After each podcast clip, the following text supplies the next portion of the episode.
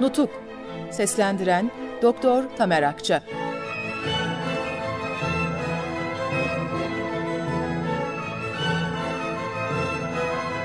İkinci Bölüm. Milli kuruluşların siyasi amaç ve hedefleri. Bu derneklerin kuruluş amaçları ve siyasi hedefleri hakkında kısaca bilgi vermek uygun olur görüşündeyim. Trakya Paşaeli Cemiyeti'nin ileri gelenlerinden bazılarıyla daha İstanbul'dayken görüşmüştüm. Bunlar Osmanlı Devleti'nin çökeceğini çok kuvvetli bir ihtimal olarak görüyorlardı.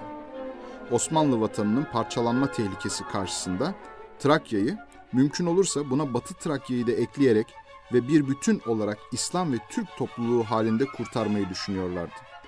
Fakat bu amacı gerçekleştirmek üzere o gün için akıllarına gelen tek çare İngiltere'nin bu mümkün olmazsa Fransa'nın yardımını sağlamaktı.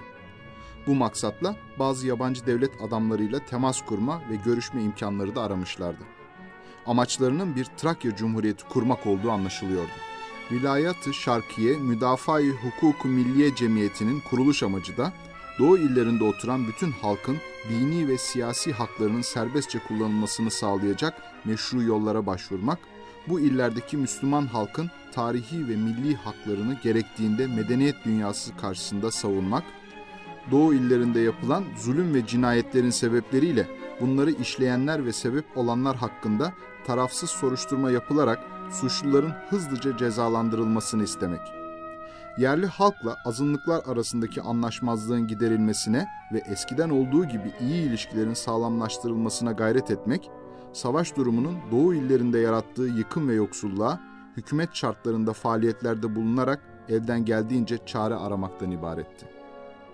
İstanbul'daki yönetim merkezinden verilmiş olan bu direktife uygun olarak Erzurum Şubesi Doğu illerinde Türk'ün haklarını korumakla birlikte Ermeni göçü sırasında görülen kötü davranışlarla halkın hiçbir ilgisi bulunmadığını, Ermeni mallarının Rus istilasına kadar korunduğunu, buna karşılık Müslümanlara pek gaddarca davranıldığını, hatta verilen emre aykırı olarak göçten alıkonulan bazı Ermenilerin koruyucularına karşı yaptıkları kötülükleri güvenilir belgelerle medeniyet dünyasına duyurmaya ve Doğu illerine dikilmiş olan hırs yüklü bakışları hükümsüz bırakacak çalışmalar yapmaya karar veriyor.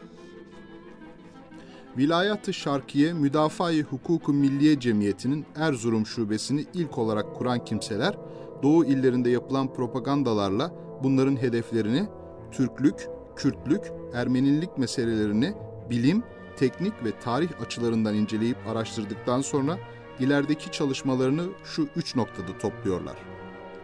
1. Kesinlikle göç etmemek. 2. Derhal ilmi, iktisadi ve dini bakımlardan teşkilatlanmak. 3. Saldırıya uğrayacak Doğu illerinin her köşesini savunmada birleşmek. Vilayat-ı Şarkıya Müdafaa-i Hukuku Milliye Cemiyeti'nin İstanbul'daki yönetim merkezinin medeni ve ilmi yollara başvurarak amaca ulaşabileceği konusunda fazla iyimser olduğu anlaşılıyor. Gerçekten de bu yolda çalışmalar yapmaktan geri durmuyor. Doğu illerindeki Müslüman unsurların haklarını savunmak üzere Le Pays adında Fransızca bir gazete yayınlanıyor. Hadisat gazetesinin çıkarma hakkını alıyor. Bir yandan da İstanbul'daki İtilaf Devletleri temsilcilerine ve İtilaf Devletleri başbakanlarına hatırlatma yazıları veriyor. Avrupa'ya bir heyet gönderme teşebbüsünde bulunuyor.